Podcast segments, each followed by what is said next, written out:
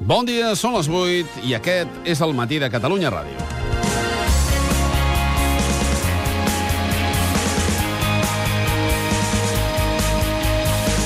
Silvio Berlusconi representa el poder a Itàlia. Poder que li ha servit per escapolir-se de les nombroses condemnes que l'han acompanyat durant la seva carrera política. Amb el cas Rubi en suma una més, una altra amb possibilitats de ser recorreguda.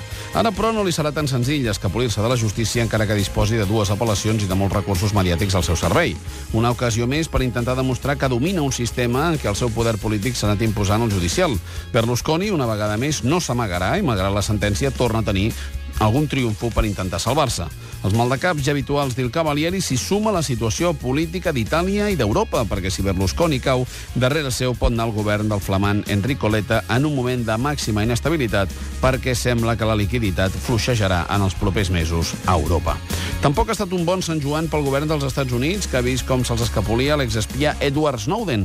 El seu cas ha superat el de Julian Assange i el de Bradley Manning. Snowden ha seguit el seu estel i per molt que el govern dels Estats Units intenti silenciar-los, de casos com els seus n'hi haurà més. La globalització i els mitjans digitals han canviat moltes coses, també la difusió del per què alguns, per què per alguns són secret d'estat i per d'altres denúncies de la violació sistemàtica dels drets que no parem de patir.